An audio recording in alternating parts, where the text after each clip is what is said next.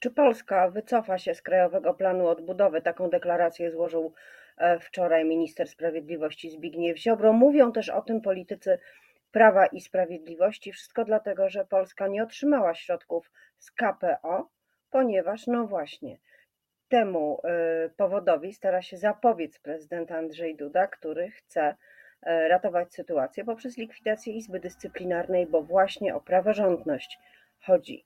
Czy Polska po prostu może zlikwidować e, swoje uczestnictwo w Krajowym Planie Odbudowy, czy może zlikwidować Izbę Dyscyplinarną? O tym wszystkim już za chwilę będę rozmawiała z moim gościem, Zuzanna Dąbrowska. Dzień dobry. Moim gościem jest poseł Nowej Lewicy Krzysztof Śmiszek. Dzień dobry. Dzień dobry pani redaktor i dzień dobry państwu. Zaczniemy jednak nie od spraw związanych z praworządnością i e, pieniędzmi. To swoją drogą bardzo bliskie połączenie w ostatnich czasach, e, ale od sytuacji w Sejmie podczas obrad 8 lutego. Część posłów, głównie lewicy, wyszła z sali. Niektórzy posłowie nie wstali, kiedy wstawali inni, skandując cześć i chwała bohaterom a poszło o łupaszkę. Czy te spory historyczne będą nas już zawsze tak bardzo e, dzielić, że nawet zewnętrzne oznaki stosunku do historii będą tak zróżnicowane? Myślę, że tak, że to jest y, sytuacja y, niestety coraz częstsza w polskim parlamencie. Pani e, marszałek Witek bez uzgodnienia z prezydium Sejmu, e, które przecież spotkało się kilka minut wcześniej, samowolnie podjęła decyzję o, uczczenia, o uczczeniu kogoś, czy pamięci kogoś, kto wzbudza no, gigantyczne emocje i kontrowersje i jest postacią absolutnie niejednoznaczną, e, jeśli chodzi o mm, zasługi dla, dla historii Polski. I tak naprawdę wczoraj na sali sejmowej odbył się taki zwyczajowy rytuał. To znaczy, ja od dwóch lat lat będąc w parlamencie, zawsze co, co, co posiedzenie Sejmu jestem zaskoczony e, razem z moimi kolegami i koleżankami z lewicy, że albo my na początku e, każdego posiedzenia odmawiamy modlitwy za zmarłych, albo czcimy pamięć, e, to znaczy posłowie lewicy tego nie robią, ale e, większość parlamentarna to robi. Albo czcimy pamięć kogoś, kto na tę pamięć e, nie zasługuje. Czy pani marszałek Witek wczoraj zrobiła rzecz e, niedopuszczalną i to była manipulacja, ponieważ na jednym oddechu poprosiła posłów, bardzo słusznie zresztą, o uczczenie pamięci zmarłego kilka dni temu pana profesora Osiatyńskiego, e, posła e, Unii Wolności i ministra finansów, zasłużonego, bardzo, bardzo zacnego człowieka i na tym samym oddechu wymieniła, wymieniła Łupaszkę.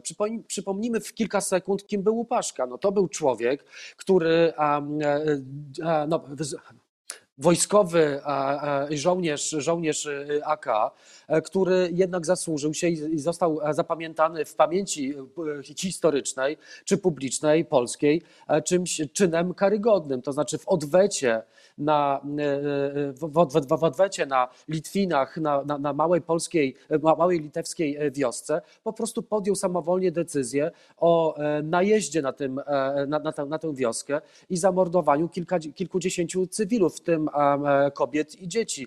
Za jego rozkazem zginęło na przykład dwumiesięczne dziecko. I e, czczenie pamięci tego człowieka, czczenie mordercy, e, także czczenie osoby, co do której wszystkie, a bardzo wiele badań historycznych i naukowych mówi, że podjął się zadania, które jest, było karygodne, zbrodnicze w świetle prawa panie międzynarodowego i krajowego, ale, to jest skandal. Ale Karol, Karol Szyndzielerz został sam zamordowany E, na Mokotowie strzałem w tył e, głowy i miał też e, bardzo bohaterską kartę w czasie II wojny światowej. Rzeczywiście zbrodnia w Dubinkach, tam było prawie udowodnione jest zamordowanie prawie 60 cywili przez podwładnych Łupaszki.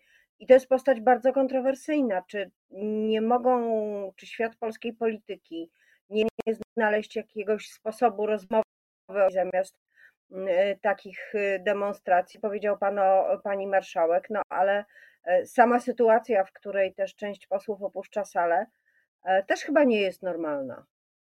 Znaczy, to nie jest normalna sytuacja, zgadzam się, pani redaktor, tylko e, nie jest też normalne robienie takiej wrzutki przez panią marszałek i tak naprawdę bez większej dyskusji narzucanie całemu społeczeństwu, bo przecież my na e, sali sejmowej reprezentujemy bardzo wiele różnych poglądów, e, różne grupy społeczne i to było po prostu bardzo nie fair, no to jest bardzo eufemistyczne. Oczywiście, pani redaktor, są w postaci w polskiej historii, które budzą kontrowersje i te kontrowersje będą budzić, ale raczej rozmawiajmy o jego dokonaniach, mówię o Łupaszce i innych e, tak zwanych żołnierzach wyklętych na konferencjach naukowych, jeśli trzeba, za, angażujmy w to prokuratorów e, z IPN-u, jeśli trzeba, to e, organizujmy debaty i konferencje, a nie narzucajmy całemu społeczeństwu jednej wizji historii. Przypomnę, pani redaktor i szanowni państwo, że także w Polsce żyje całkiem spora mniejszość litewska. Znaczy, my chyba y, zaczynamy powolutku zapominać, że jesteśmy jednak y, społeczeństwem zróżnicowanym i ta jedna wizja, jeden naród, jedna historia, jeden wódz za- zaczyna nam tutaj chyba za bardzo dominować. Mamy przecież y, mniejszość litewską, mamy także mniejszość niemiecką, której właśnie kilka dni temu odebrano dofinansowanie do nauczania języka. Pytam, w jakim kierunku my zmierzamy. Jeśli chcemy zgody społecznej, jeśli chcemy porozumienia społecznego,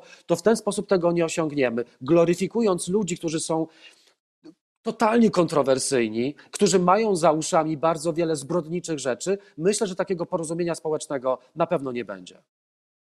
E, Użył Pan słowa jeśli, jeśli chcemy porozumienia. E, Wydaje mi się to słowo dość kluczowe w tym, co dzieje się w polskiej e, polityce. To scharakteryzujmy pod kątem tego, jeśli chcemy, spotkanie opozycji z Panem Prezydentem w sprawie Izby Dyscyplinarnej.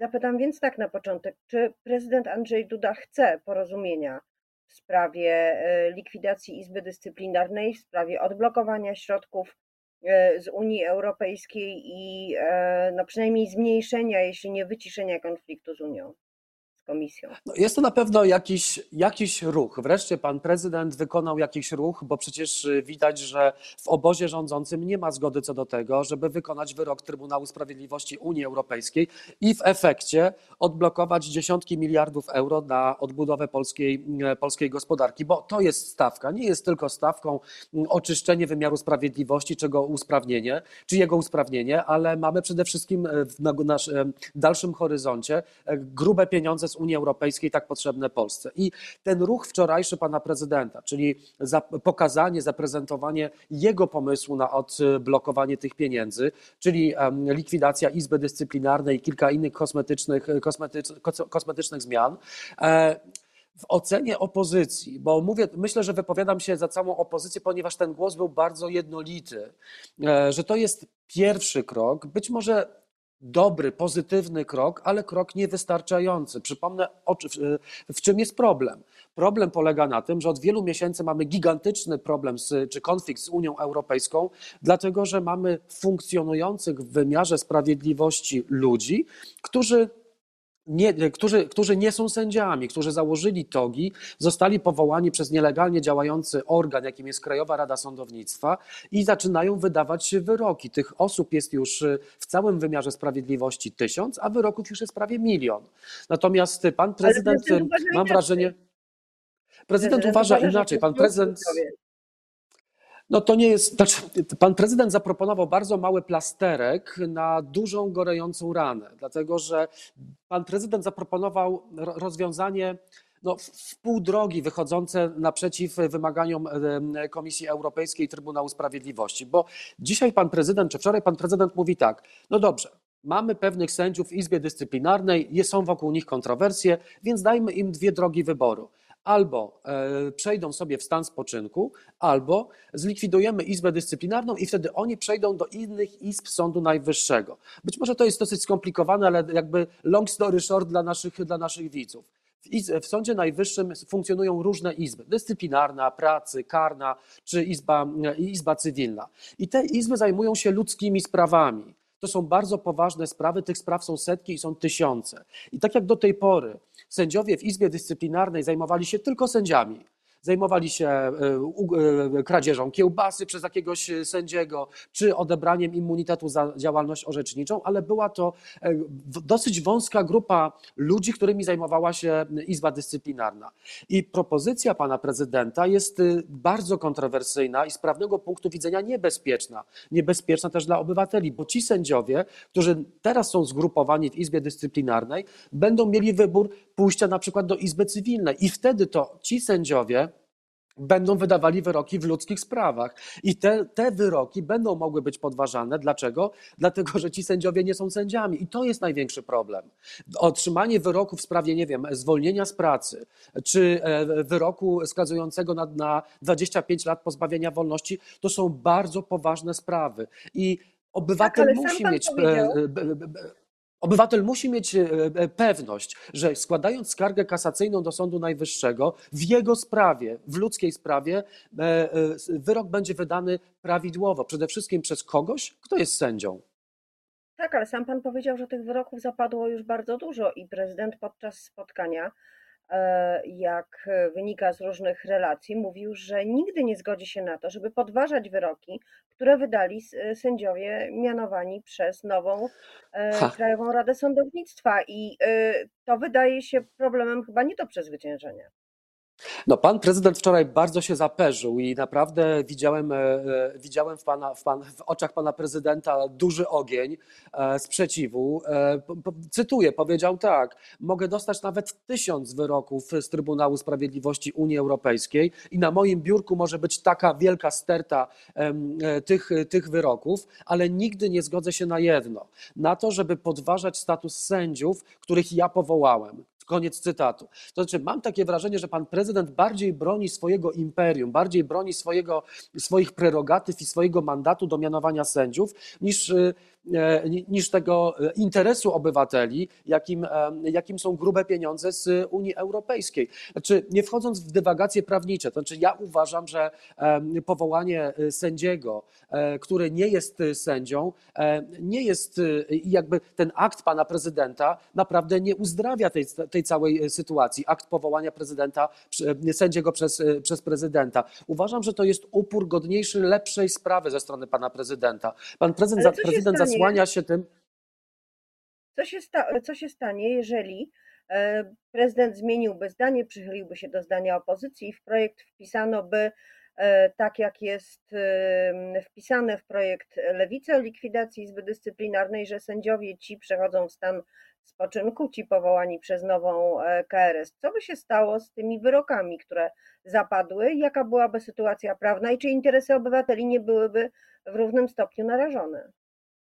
My z y, organizacjami jako Lewica, także Koalicja Obywatelska, także organizacje praworządnościowe typu Justicja, Wolne Sądy i bardzo wiele innych, Akcja Demokracja, zaproponowaliśmy alternatywę. To znaczy my wczoraj złożyliśmy przed spotkaniem e, u pana prezydenta projekt ustawy o KRS-ie, która, który w bardzo prosty sposób e, zabezpiecza interesy obywateli, weryfikuje nie jako odpowiedzialność zbiorowa, tylko indywidualnie każdy akt powołania tego sędziego. Jeśli ktoś aplikował do Krajowej Rady Sądownictwa o awans, o przyjęcie do grona mm, sędziowskiego i nie ma sobie nic do zarzucenia i jest dobrym prawnikiem, dobrze wykonuje swój zawód, to w ciągu bardzo krótkiego czasu zostanie zweryfikowany i może dalej orzekać, a jego wyroki zostaną w, zostaną, e, zostaną w mocy. Więc tutaj nie ma problemu. Ja uważam, znaczy pan prezydent wczoraj liczył na poparcie opozycji.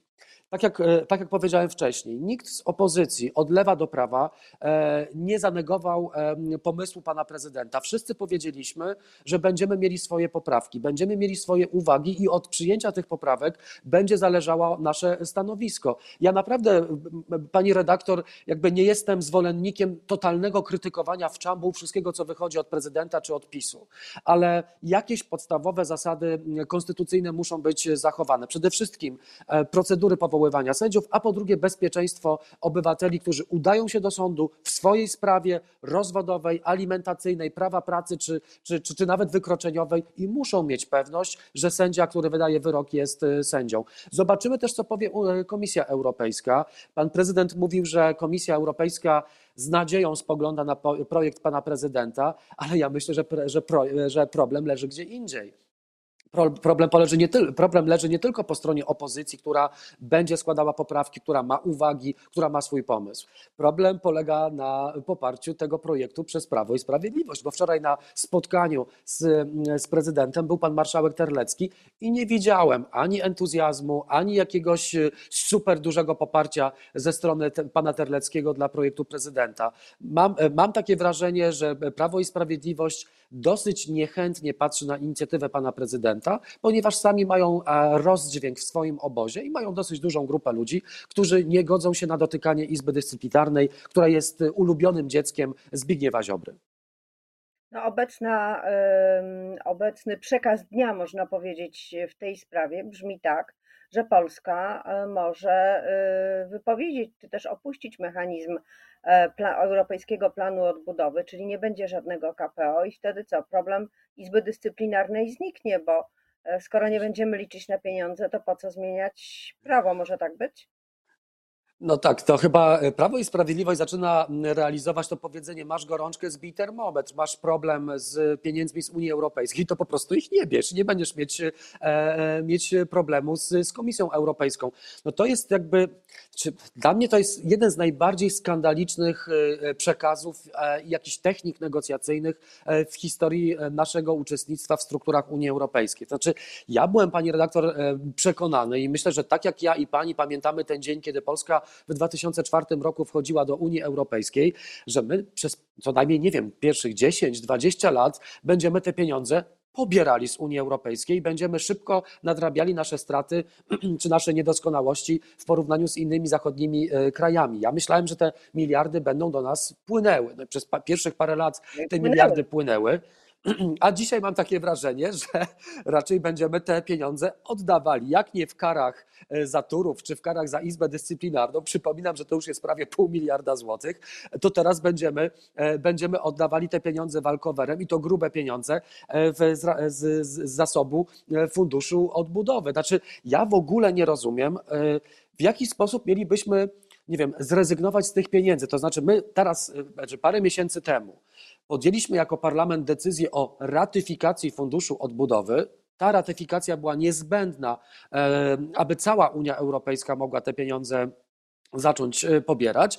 Natomiast e, co my nagle zrobimy? Za parę tygodni się spotkamy w Sejmie i będziemy głosować wypowiedzenie tego porozumienia, czy bo, bo, bo nie, nie rozumiem za bardzo, w jakim trybie mielibyśmy nie brać tych pieniędzy. To znaczy, w momencie, kiedy już inne kraje Unii Europejskiej, Belgia, Szwecja, e, Szwecja może mniej, ale Hiszpania już wydają te miliardy tak potrzebne na odbudowę gospodarki dla przedsiębiorców, dla pracowników, dla organizacji pozarządowych, te, te, te niez- niezbędne środki, to my się ciągle zastanawiamy, czy my chcemy tych pieniędzy, y, czy nie. No, dla mnie to jest albo jakaś głupia, Proszę, postawiona na głowie.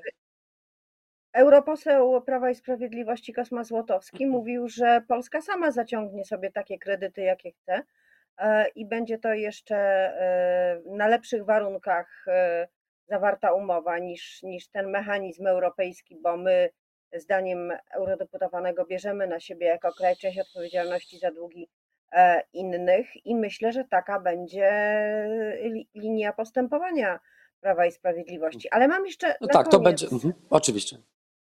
Y, Pytanie o opozycję, bo y, mówił Pan o tym, że opozycja miała bardzo zbliżone stanowisko, mówiła jednym głosem y, podczas spotkania z Panem Prezydentem. Jest wspólny projekt dotyczący praworządności, ale po tym wczorajszym spotkaniu nie miałam wrażenia, żeby Koalicja Obywatelska mówiła jednym głosem z resztą opozycji, bo po prostu tego głosu e, z siebie nie wydobywała razem z innymi ugrupowaniami.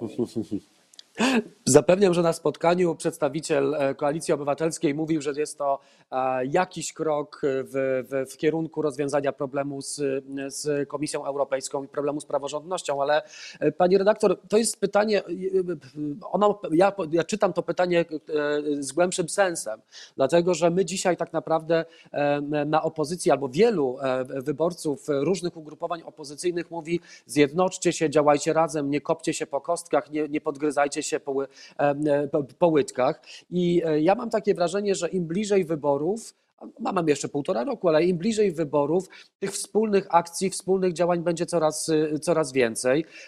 Wszystko będzie praca z, z opozycji, opozycji jest dobra. Bo obywatele, wyborcy opozycji widzą, że nie mamy nie tylko e, e, jakieś głupie wojenki, ale mamy także pola współpracy, bardzo ważne, newralgiczne pola. Pieniądze z Unii Europejskiej, praworządność, nasza obecność w Unii Europejskiej, prawa człowieka. Mam nadzieję, że to wszystko będzie nas e, prowadziło w dobrym kierunku.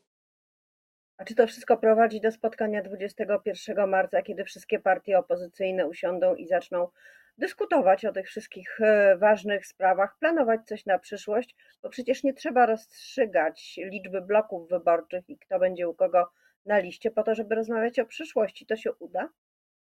Uda się, mam nadzieję, że to się uda. Zespół roboczy z, e, składający się z osób z Lewicy, Polski 2050 i PSL-u działa pełną parą. 21 marca będzie fajne spotkanie, mam nadzieję, programowe, rozmowa o, o Polsce, o przyszłości e, Polski. Jeśli Platforma Obywatelska, Koalicja Obywatelska chce dołączyć do tych rozmów, bardzo serdecznie zapraszamy. Zapraszamy zarówno pana przewodniczącego Tuska, jak i wszystkich tych z Platformy i, e, i okolicznych Platformie ugrupowań do współpracy, bo Będziemy się różnić, pani redaktor, różnimy się. I dzisiaj też y, e, pre- prezes Kosiniak-Kamysz powiedział, że no, światopoglądowo z lewicą ma niewiele wspólnego i ja się z tym zgadzam, bo różni są wyborcy PSL-u, różni są wyborcy lewicy i oczekują czegoś, e, czegoś innego, przynajmniej w sferze praw człowieka czy wolności obywatelskich.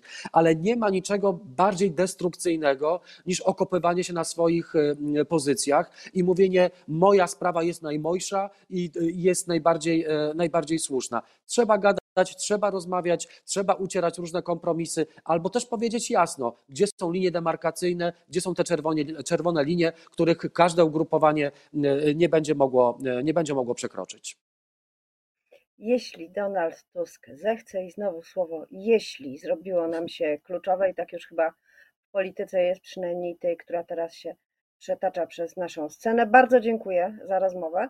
Moim gościem Dziękuję serdecznie. poseł Krzysztof Śmiszek. Miłego dnia. Miłego dnia, do widzenia.